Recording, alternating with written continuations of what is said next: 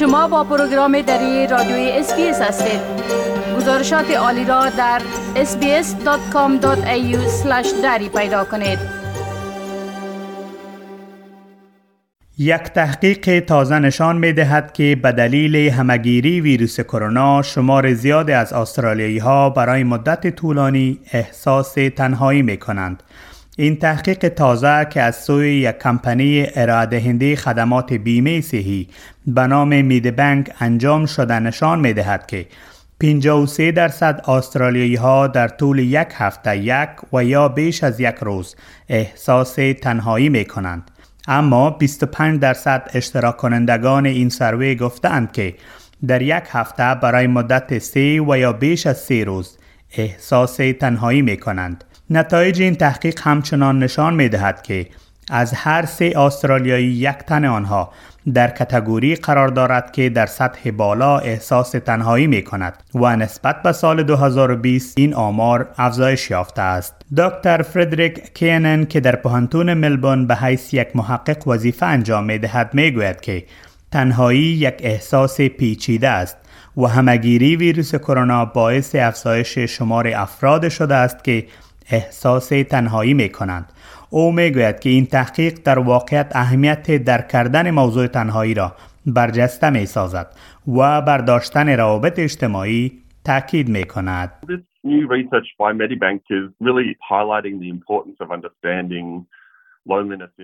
این تحقیق جدید که توسط میدی بانک انجام شده در واقعیت اهمیت درک تنهایی را برجسته می کند و با سلامتی مرتبط است.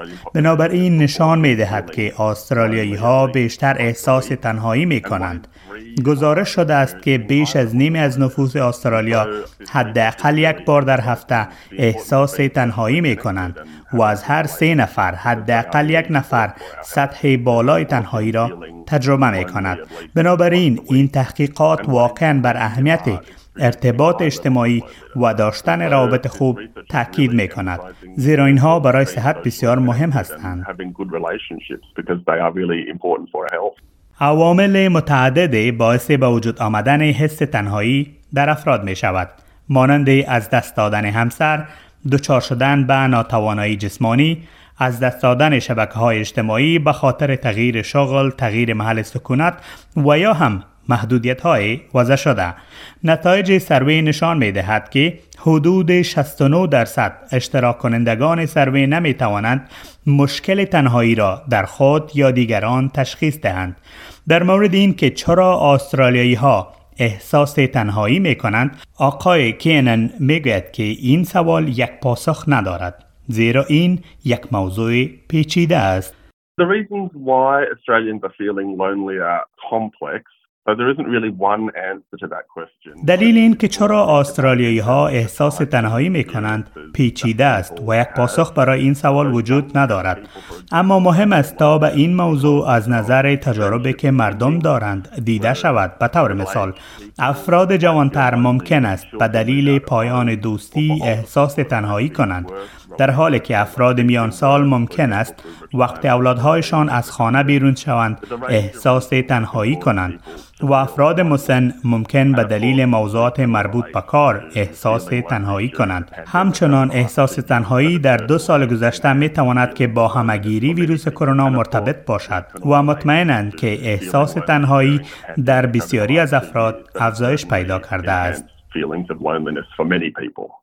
علت احساس تنهایی می تواند ریشه در مشکلات روانی و روحی داشته باشد. به طور مثال، افسردگی می تواند تا حد باعث تشدید احساس تنهایی در یک فرد شود. به همین خاطر است که باید به این حس رسیدگی شود و اگر آزارتان می دهد اقدامات جدی درباره آن در نظر گرفته شود. در دوران تنهایی کارهایی هست که شما می توانید آن را به تنهایی انجام دهید و از زندگی لذت ببرید. به طور مثال پیاده روی، کتاب خواندن، تماشای مسابقات، تماشای یک منظری زیبا و ماهیگیری می تواند کمک کند.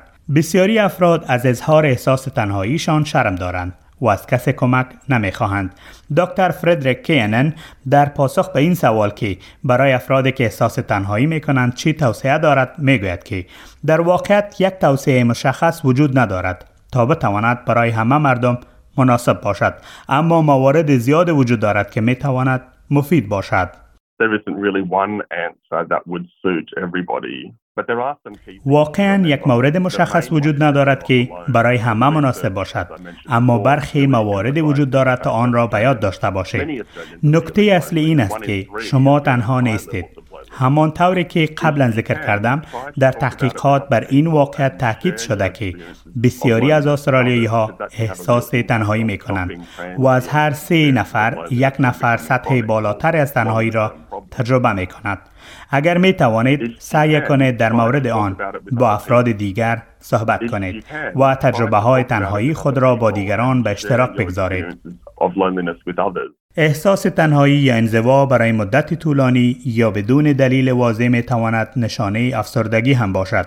اگر شما برای مدت طولانی احساس تنهایی می کنید با دکتر فامیلی خود یا یک مشاور صحبت کنید.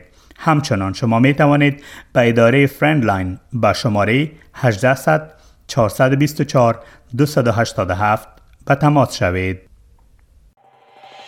می خواهید این گونه گزارش ها را بیشتر بشنوید؟